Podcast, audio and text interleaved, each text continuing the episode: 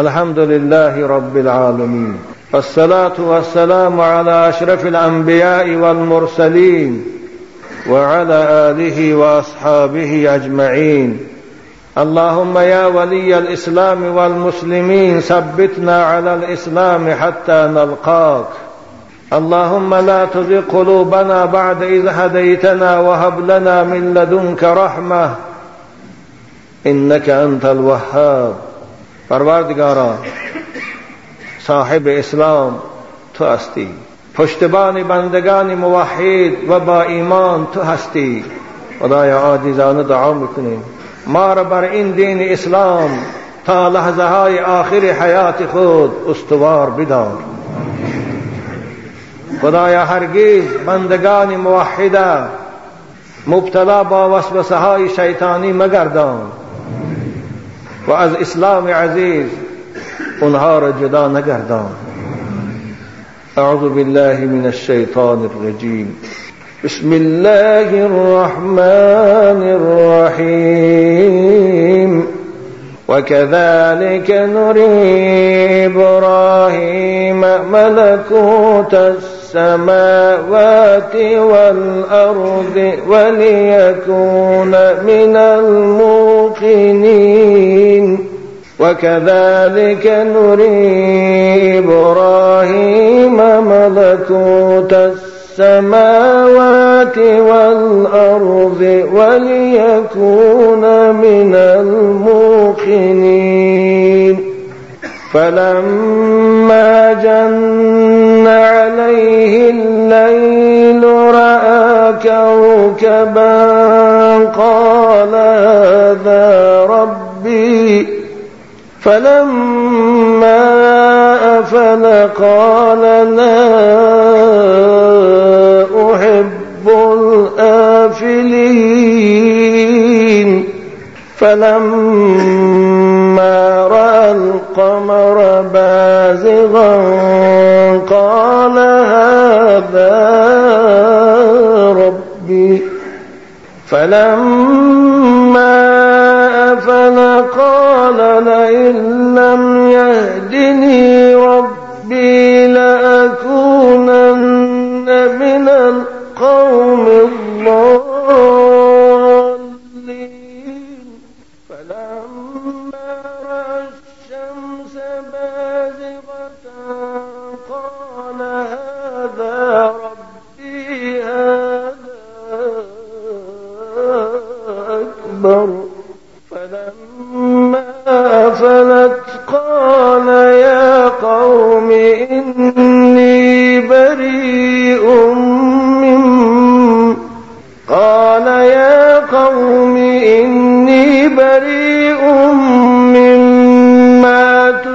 تشركون إني وجهت وجهي للذي فطر السماوات والأرض حنيفا. وما أنا من المشركين. صدق الله العظيم. این آیه های مبارکه از سوری انعام است که پروردگار کرامت و بزرگی که به خلیل خود ابراهیم علی نبینا و علیه الصلاة و السلام داد برای ما و شما بیان می سازد ابراهیم کی بود و کی و در کجا تولد شد؟ معرخای کایی می‌کنند که در شهر بابل پادشاهی بود به نام نمرود که این عرب ها نمروز می‌گویند بزال و این پادشاه در اول خیلی با عدالت بود نسبت به خلق خود غمخوار بود و فریادرس بود. بعد از آنکه حکومت او طولانی شد بعد از آنکه پادشاهی او دور و دراز شد یک بار غرور و تکبر و نخوت در او پیدا گشت و در آخر خودش برای اهالی مملکت خود خدا اعلان کرد داهی اعلان کرد و سپارش داد که مجسمی او را بسازند.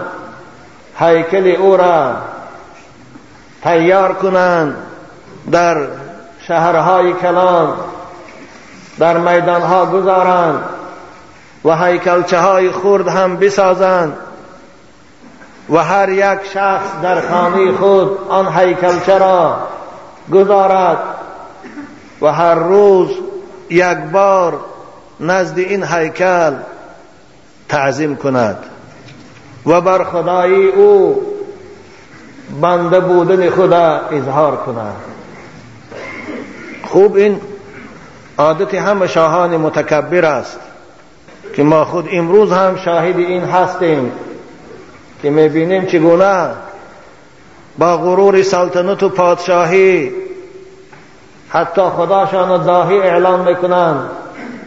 به خاطر این پدر ابراهیم که آذر نام داشت با قول صحیح که بعضی معرخان او را عمکیش می‌گویند از خدمتگاران و از بود تراشان اگر به اصطلاح امروز گوییم از هیکل تراشان بود.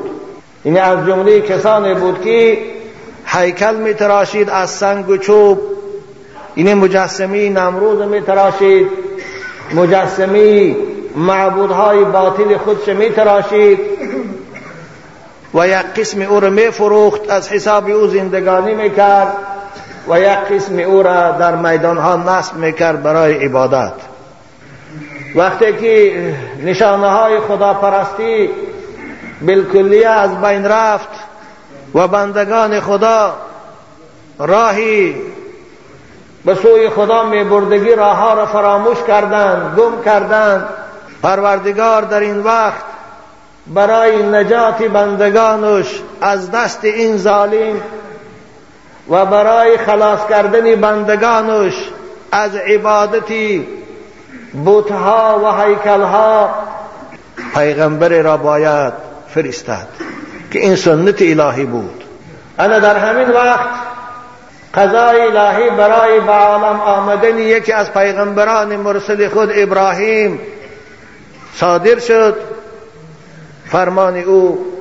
یکی از شبها نمرود در خواب دید. بالای تخت ناز خواب بود. بالای تختی که چوبهاش از طلا زینت داده شدگی بود. با راحت خواب بود. یک خواب دهشتناک واهمناک دید. خواب چی بود؟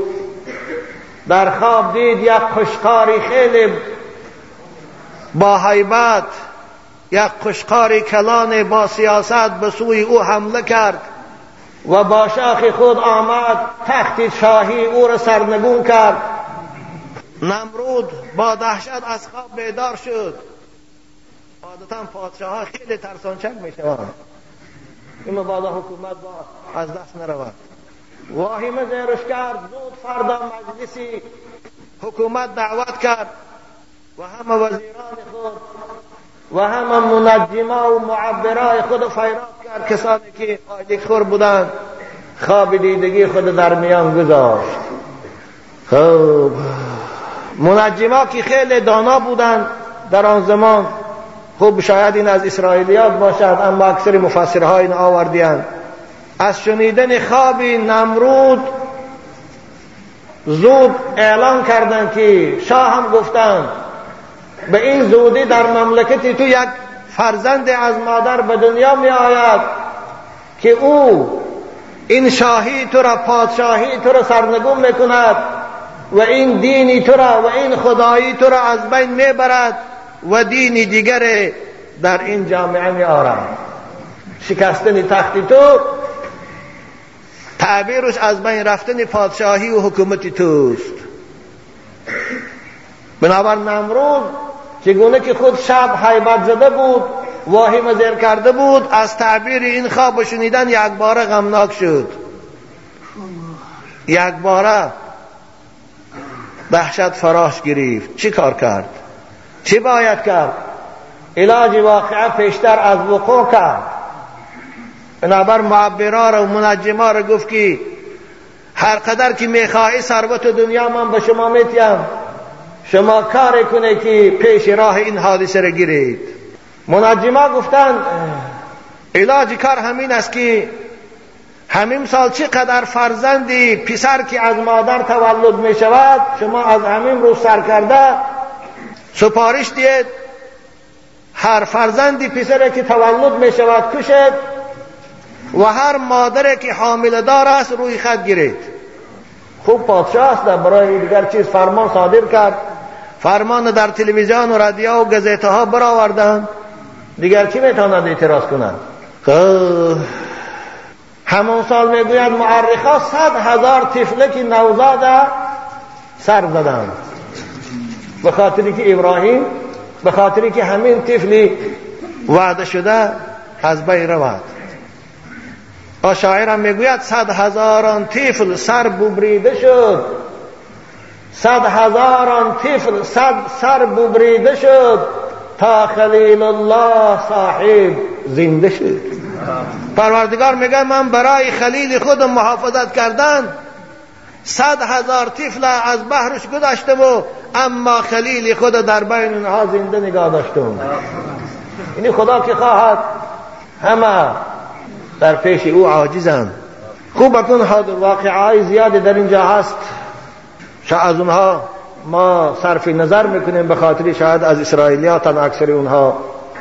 خلاصه کلام مادر حضرت ابراهیم خانم آذر که خود مسلحتچی پادشاه بود و خود هیکل تراش پادشاه بود نمروز. میگد حامل دار شد. به خاطر آنکه حملش آشکار نشود مادر حضرت ابراهیم خیلی ایال بزبله بودند با تن و توش بودند از این سبب وقتی که لباس کشاب که می پوشیدن حامل دارش در نظر نمی تافت آذر که خود مسئول پادشاه بود وظیفهدار پادشاه بود بنابر همین او کمیسیه هایی که پادشاه تشکیل کرده بود به خانه آذر نمی در آمدن به خاطر که خود این اعضای حکومت پادشاه بود. خوب مادر ابراهیم وقتی تولد کردنش فرا رسید با قضای الهی رفت. یک غار بعضی معرخا میگن در همون حولی خود یک تحخانه کند و در وقت نبودن شوهرش بالای تحخانه رو پوشان محکم کرد و داخلی او تولد کرد. بعضی میگن که از شهر بیرون رفت و یک کوه در یک غار فرزند خدا ابراهیم تولد کرد. خوب به هر حال خلیل خدا ابراهیم از مادر به دنیا آمدن. مادر ابراهیم او رو شستشو کرد تازه کرد و لباساش پیچاند و در همون غار مون سینش داد. دهن غار محکم کرد به خانه آمد. در بین چند روز گذشت. دلش طاقت نمی کرد مادر بود. می‌رفت برای خبر گرفتنی طفلکی نوزاد خود. خیال می‌کرد که در این سه روزو شاید مرده است. از گرسنگی شاید او یگان حیوانی درنده خورده است. اما می‌رفت ابراهیم با همون صورت زیبای خود انگوش در دهان مکیدی ایستاده است. دید که از انگوشت او چشمه شیر برآمده ایستاده است. مادر ابراهیم دانست که این فرزند او ضایع نمی شود. به هر حال معرخا میگن حضرت ابراهیم سه سال در غار استاد که عادتا در این سه سال مانندی بچه هفت ساله هی ساله باری بزبله شد. مادر روز خبرگیری رفت. غار تاریکی بود. با مادر شش صحبت کرد حضرت ابراهیم گفت مادر جان دنیا همش همین است. همین جای تنگ و تاریک. دیگر عالمی نیست. که مادرش گو بچم عالمی به کنار است. عالمی دیگر هست در بیرون اما من تو را از خوف دشمنا که قصد کشتنی تو دارن در اینجا من تو را پنهان کردم.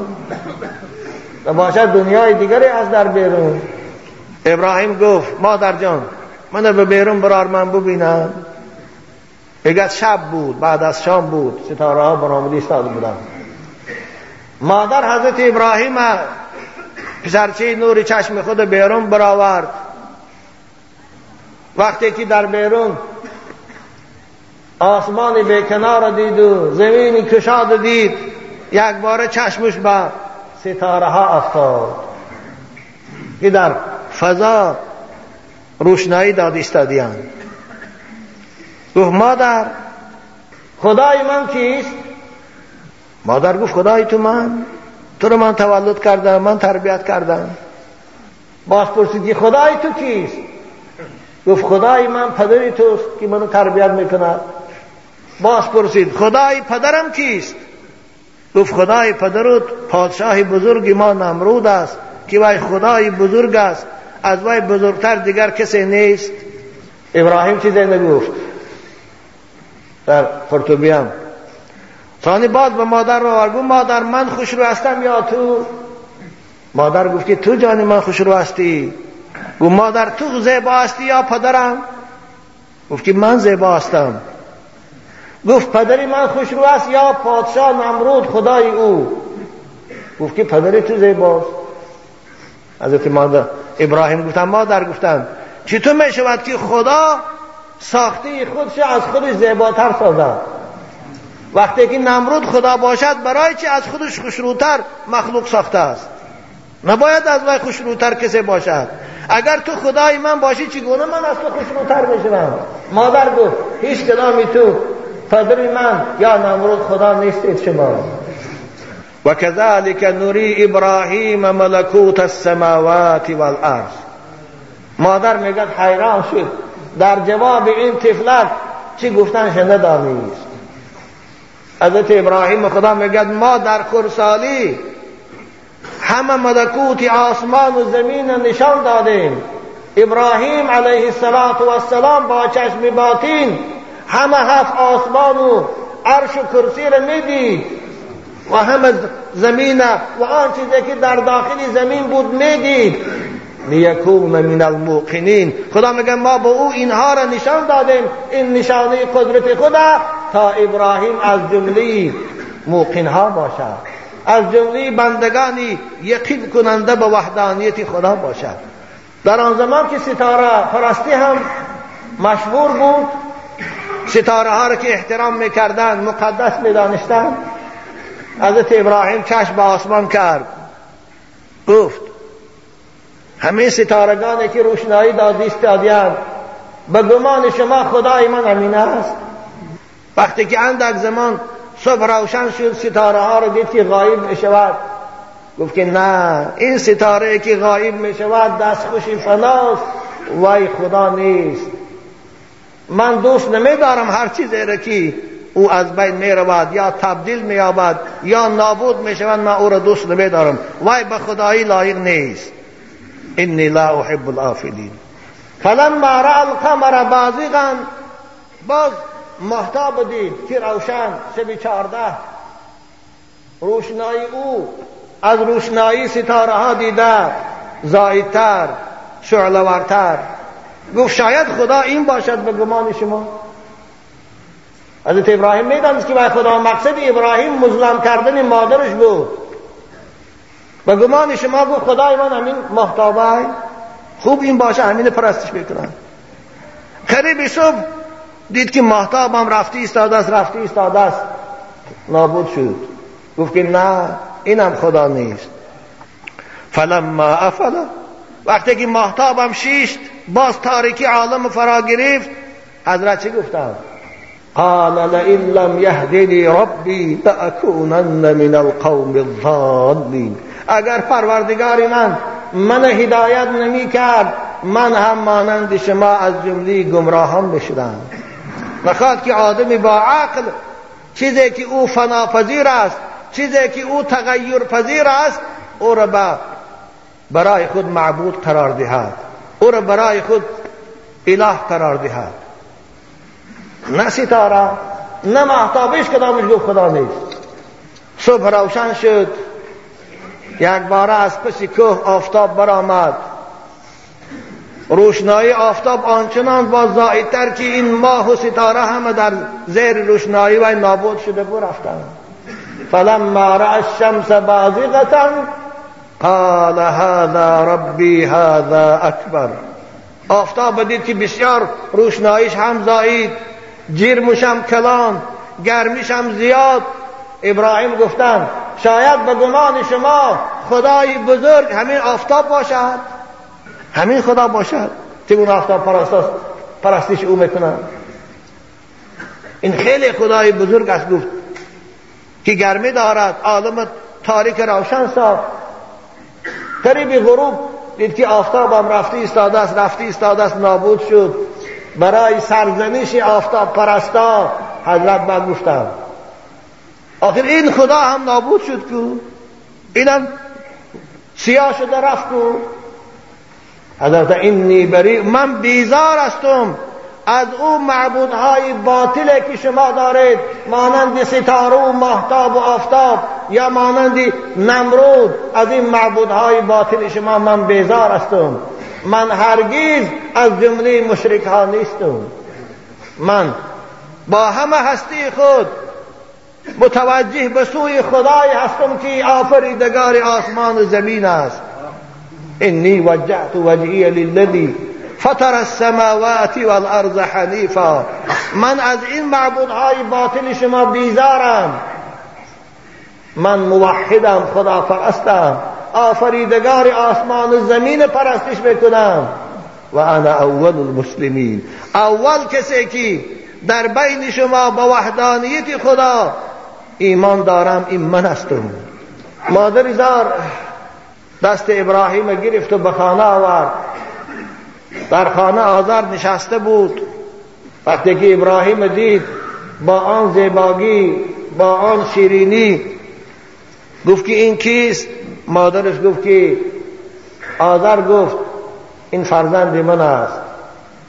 فرزند توست. و این کجا بود؟ گفت که از ترس آن که او رو نکشد من او رو در غار تولد کردم و در آنجا نشع نما یافت اکنون آوردم.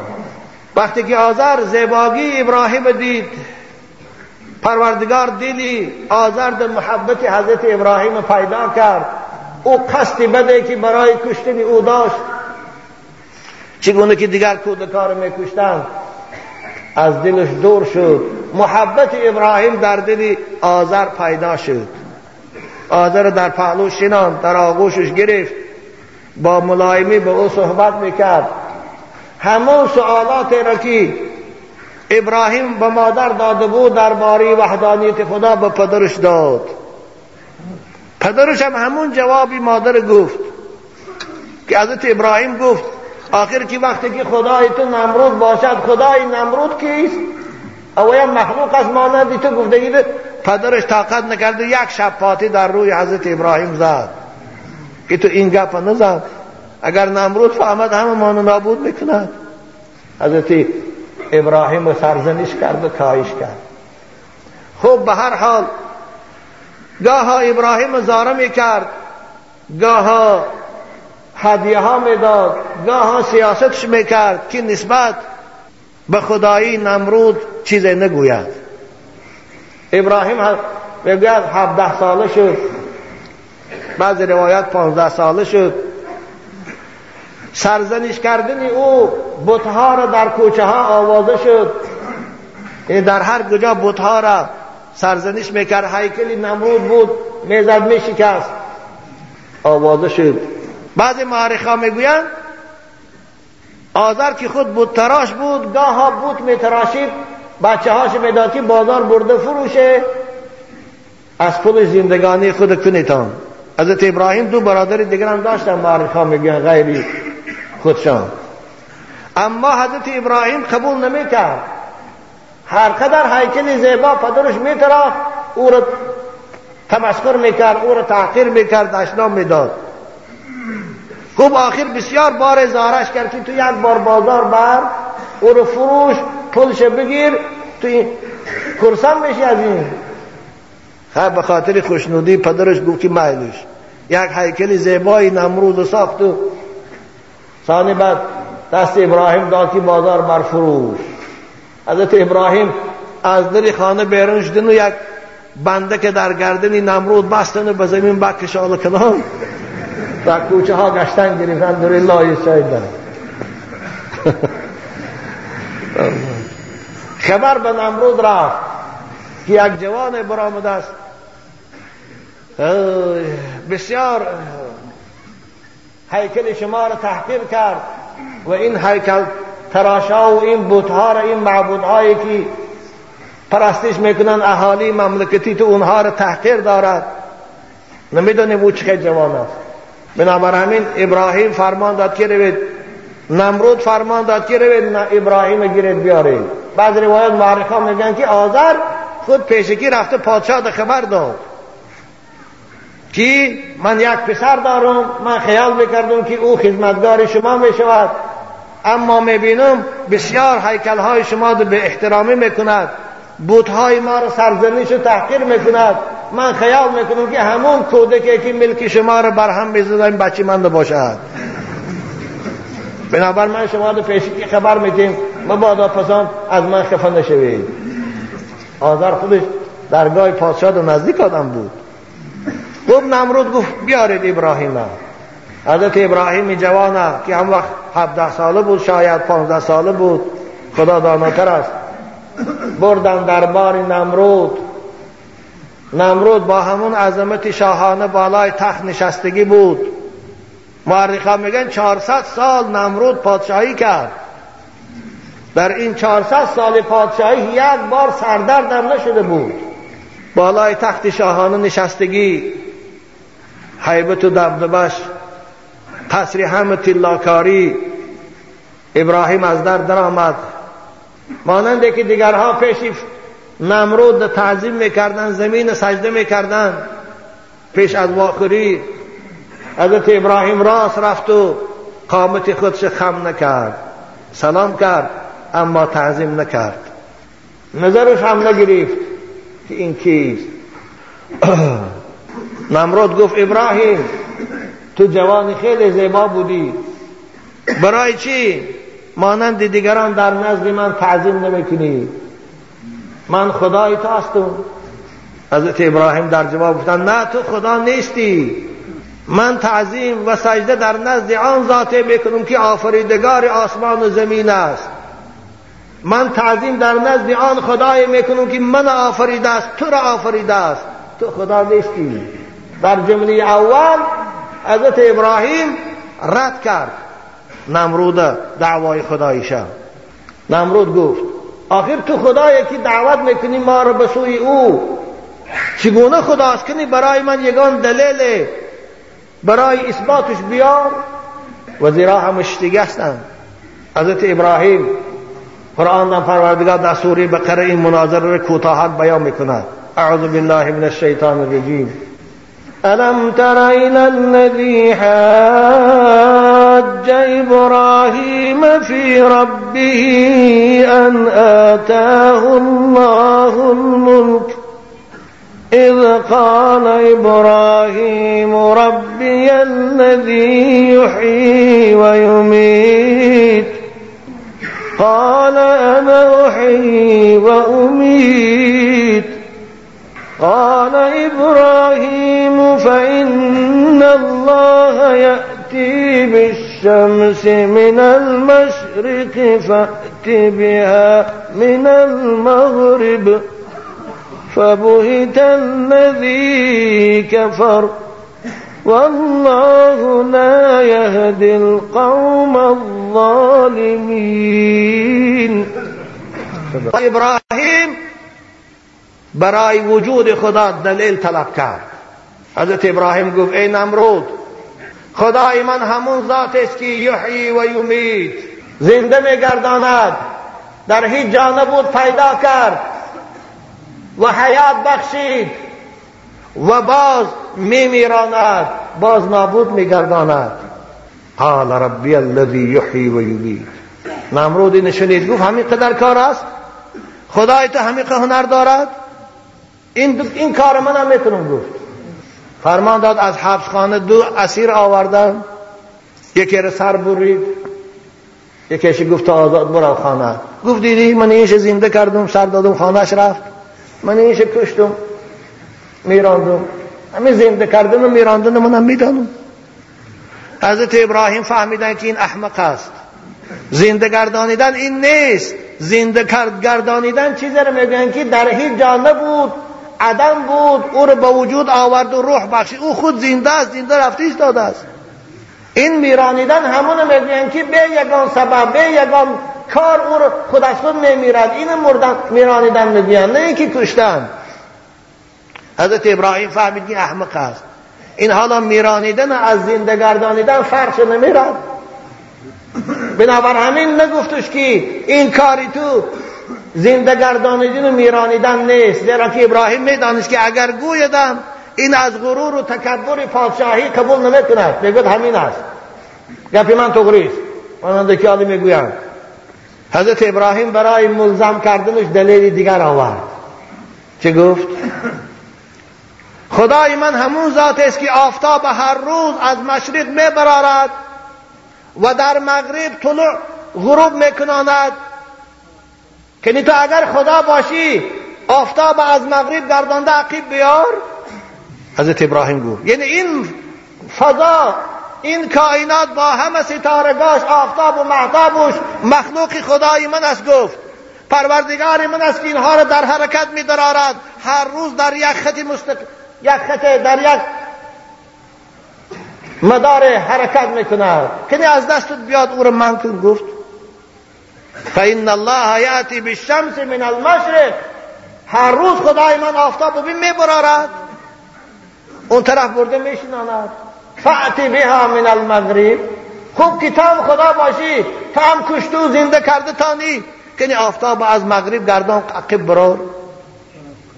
حضرت ابراهیم این سخن گفته بود که یک بار هوشی نمرود از سرش کن او دانست که عاجز است.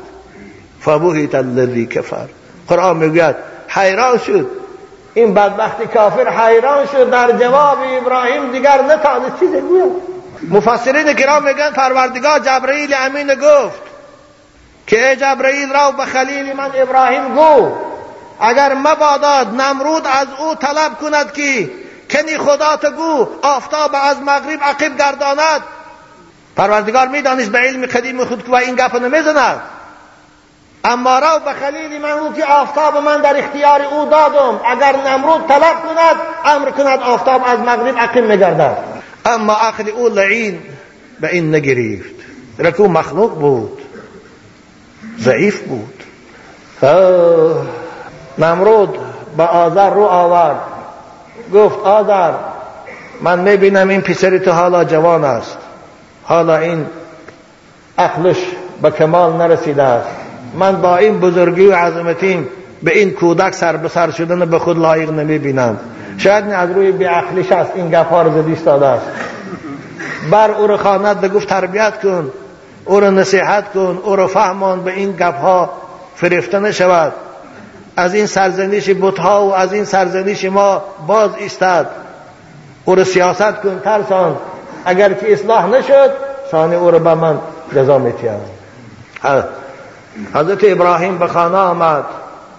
آذر پدرش بود. گاه شبها میشیشتن به یکدیگر مناظره می‌کردن آذر کوشش می‌کرد ابراهیم از این راهش بازگرداند. او بخبر بود که ابراهیم پیغمبر خداست. او نمی‌دانست که قرآن در حق ابراهیم گفت است ولقد آتینا ابراهیم رشده من قبل و کنا به عالمین. ما ابراهیم پیش از آن که به سن بلوغ رسد هدایت کرده بودیم برای خدا پرستی رهنمایی کرده بودیم نبوت و پیغمبری داده بودیم. و ما می‌دانستیم که ابراهیم به این اهل است به این سزاوار است به این لایق است. آذر از این خبر نداشت. بنابر گاها مناظره می‌کرد. گاها بوتهاش در پیش ابراهیم تعریف می‌کرد. اونها رو تعظیم می‌کرد. یک روز ابراهیم هر دو شقتی آچش شیناند آخرین مناظره و گفتگویی که با پدر کرد بعد از هوای دیگر قهری شد. این است که در سوری مریم خدا برای ما و شما بیان می‌کند. قرآن می‌گوید اعوذ بالله من الشیطان الرجیم. واذكر في الكتاب إبراهيم إنه كان صديقا نبيا. ای پیغمبر بیاد آر و در قرآن برای امت سرگذشتی. پیغمبر بزرگوار من ابراهیم را. ابراهیم از جمله پیغمبرانی بود که راست قول بود راست گفتار بود. و از جمله پیغمبرانی برگزیده بود. اذ قال لأبيه يا أبت ما يا أبت لم تعبد ما لا يسمع ولا يبصر ولا يغني عنك شيئا باب پدرش گفت بابا از این هیکل هایی که خود به دست خود می تراشی خود او رو تعظیم و سجده می‌کنی چی فایده می‌گیری؟ لما تعبدو؟ چو عبادت می‌کنی؟ این هیکلی بیجانه که نه سخنی تو رو میشنود نه داد زاری و فریادی تو رو میشنود نه حالی تو رو می‌بیند نه از تو یگان ضرر و زیان را دفع می‌کند. آخر این خود محتاج یاری است. چو اینو پرستش میکنی؟ چو اینو سجده میکنی؟ چو اینو تعظیم میکنی؟ یا أبت لمن لم تعبد ما لا يسمع ولا يبصر ولا يغني عنك شيئا.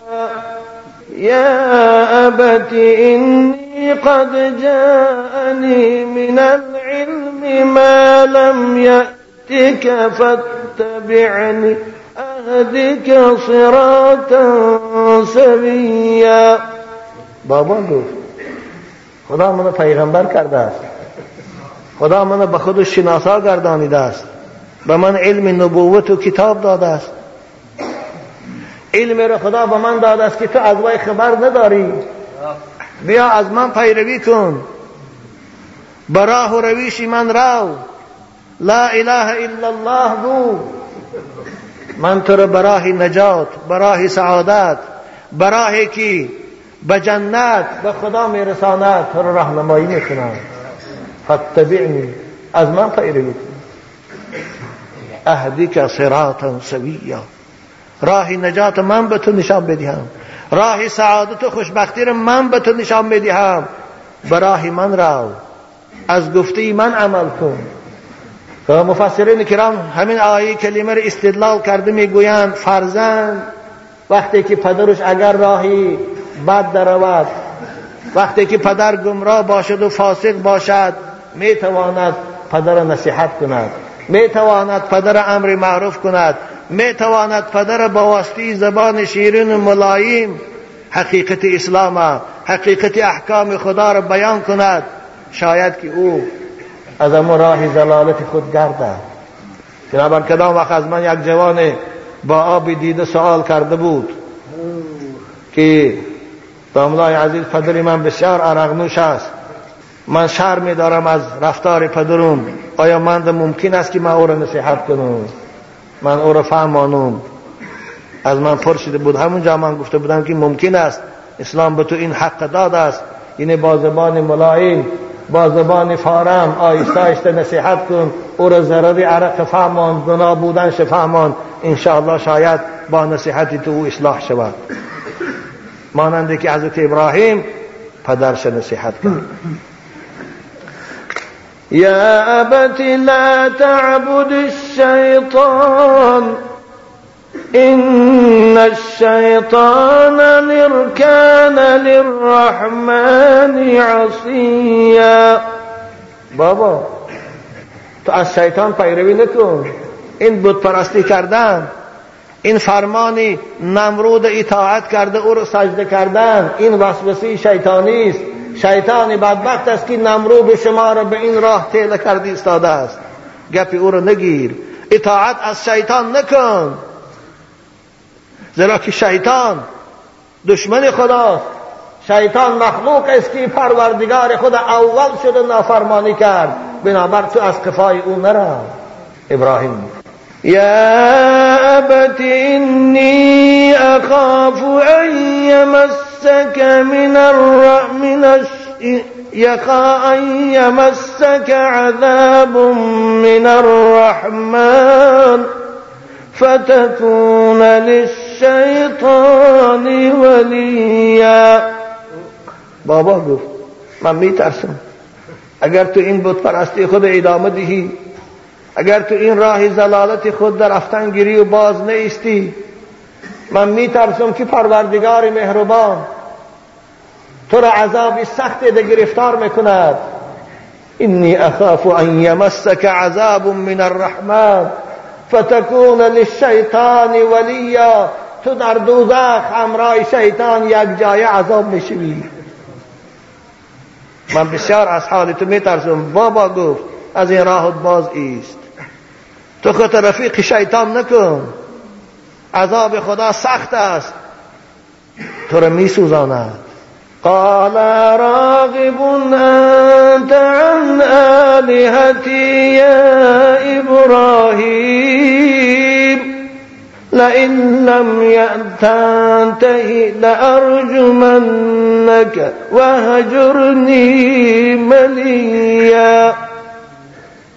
أما این نمرود این آذری بدبخت این بابای به نصیبه این پدری شقی بجای آنکه نصیحت فرزندی بزرگ خدا نصیحت فرزندی پیغمبر خدا قبول کند با غضب با نفرت به سوی ابراهیم نگاه کرد. گفت اراغب انت عن آلهتی یا ابراهیم؟ ابراهیم گفت تو مگر از راه من از راه باب و اجداد من از راهی که گذشتگان من انتخاب کردن تا امروز آمدن روی میگردانی. از این خداهای من و باباهای من پرستش می‌کردن تو بیزاری می‌کنی؟ لئن لم تنتهی اگر از این کار باز نیستی از این دشنام دادن و عیب جویی کردن خداهای من باز نیستی. من تو را حتما سنگسار می‌کنم. من تو را فرمان میتیم دست و پات میبندن سنگ شب پود می‌کنن. در بین مردم تو را بدنام می‌کنم تهمت ها می‌کنم. در بین آدم ها شرمندت می‌کنم. لئن لم تنتهی لارجمنک وهجرنی ملیا. تو از من دور شو.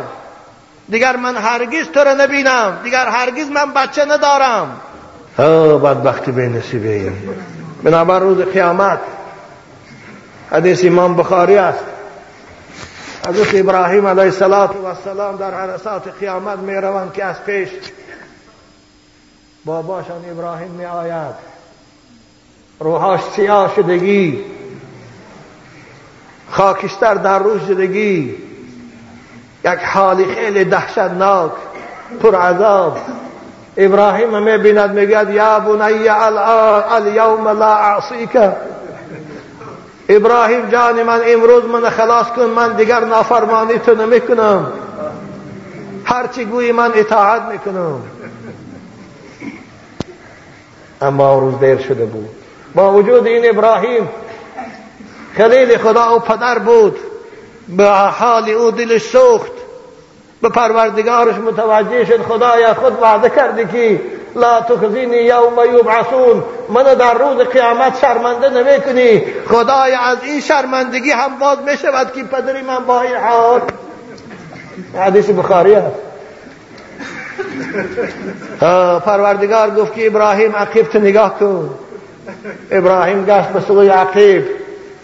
دید که پدرش به صورت یک حیوانی سربریده خونالود افلاس. جنبیدی ایستاده است. از دیدن منظری پدرش نفرتش آمد ملائکه های عذاب امر کرد گرفتن به دوزخ هواش دادن. باید بابا ابراهیم در زندگی ابراهیم اطاعت می‌کرد. باید در زندگی نصیحت ابراهیم قبول می‌کرد. امروز باید هر یک پدر یا مادر وقتی که می‌بیند فرزندش صالح است فرزندش نمازخان است فرزندش اهل علم است باید فرزندش اطاعت کند باید نصیحت فرزندش گوش کند. باید درسی حیات ابراهیم برای او عبرت باشد. حیات پدر ابراهیم برای پدر و مادرای عرقنوش و فاسق باید عبرت باشد. اما افسوس به جای آنکه برای فرزندش رود صاحب سعادت شود.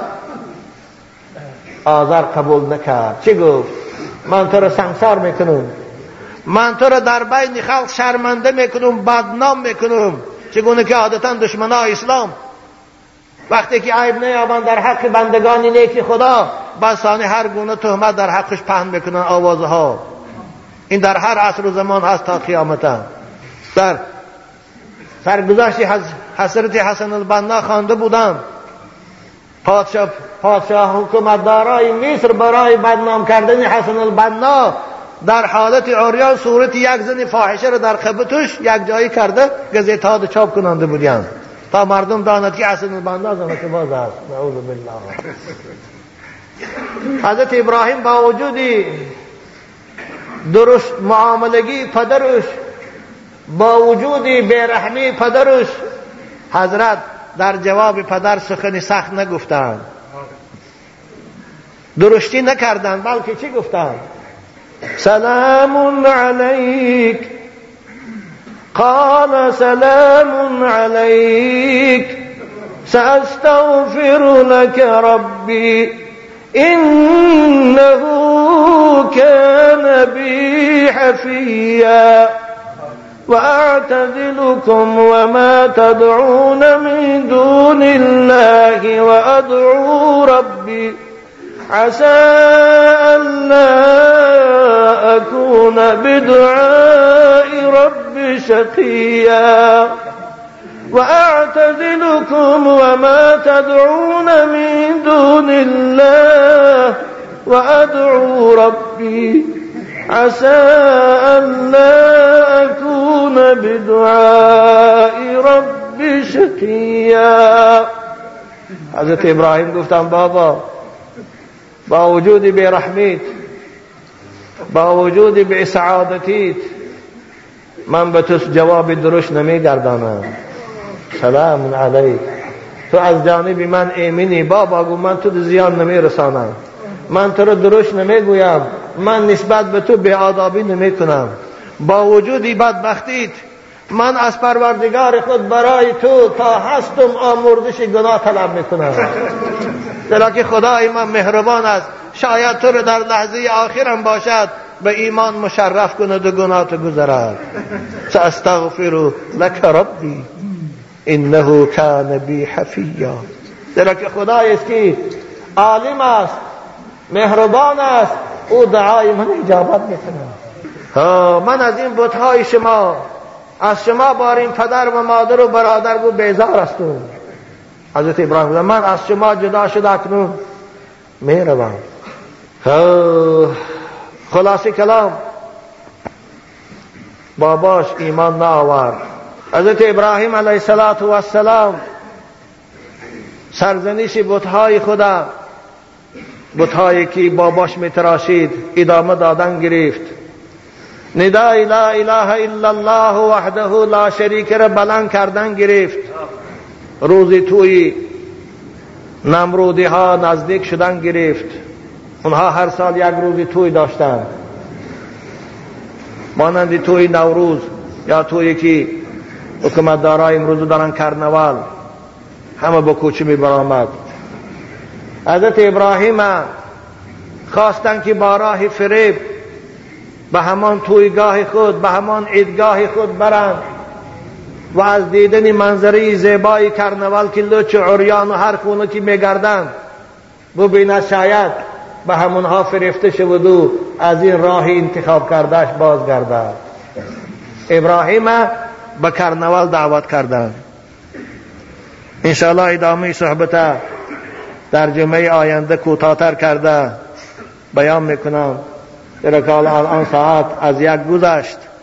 وقتی شما عزیزان گرفتم. حضرت ابراهیم علیه السلام در اینجا می‌گذاریم و می گذاریم که قوم بابل هم اهالی مملکت برای تشکیل کردن کرنوال تیاری دید ایستادیان. سی و شش هزار دلار سی و شش میلیون دلار صرف کرد ایستادیان کرنوال می‌کنیم. ابراهیم با فریب با آن جامعه بریم و آن مغرور می‌کنیم. شاید از این راه توحید باز استاد اما می‌بینیم که ابراهیم با آن عیدگاه می رود ابراهیم در کارنوال اشتراک می‌کند یا نه؟ انشاءالله جمعه آینده مختصر با شما بیان می‌کنم. و آخر دعوانا ان الحمد لله رب العالمین دعا کنیم پروردگار به حرمت این لحظه های اجابت دعا دین مقدس اسلام را در روی زمین غالب گرداند. و بندگان موحد در هر عصر و زمان پروردگار در راه دعوتشان استوار گرداند. و از شر ظالما و نمرودیا پروردگار موحدا را نگاه دارد. پروردگار بیمارا را شفای کامل عطا فرما خصوصا بیمارای این عاشقان مدرسه محمدی را و به فرزندان اینها را فرزند صالح نصیب و روزی گردان و مسافرای اینها را در کجایی که نباشند خداوند در پناه اسمت نگه دار و از قطار اونها فرزندای ما هم که در مسافرت هستند خدایا نگهشان دار و علم با عمل نصیبشان گردان و حفظ کامل و پیشوایی با تقوا و داعی به خود خدایا اونها را به وایو کمال رسان و سلامت نگه دار. پروردگارا برادرای عزیز ما که در مسافرت ها در شهرهای رسی هستند و از ما این التماس دعا کردیم خدایا اونها را هم نگه دار. خدایا اونها را سلامت دار. خدایا اونها را بعد از انجام کار و سفر با دست پر به نزد خاندانشان بازگردان. پروردگارا این جوانایی که به خاطر شنیدن کلام تو و به خاطر ادای نماز جمعه از بحر کار و تجارت و دهقانی خود گذشته به مسجد آمدیان خدایا در کسب و کار اینها برکت عطا فرما. خدایا تجارت هاشان با برکت گردان. خدایا زمین هاشان سر حاصل گردان. خدایا این جمهوری ما از شر فتنی اختلاف ها نگه دار. خدایا صلح و آرامی رو در جمهوری ما همیشگی گردان. پروردگار زمین های ما را سر حاصل گردان. و برکات پروردگار در این جمهوری ما نازل گردان. آمین یا رب العالمین.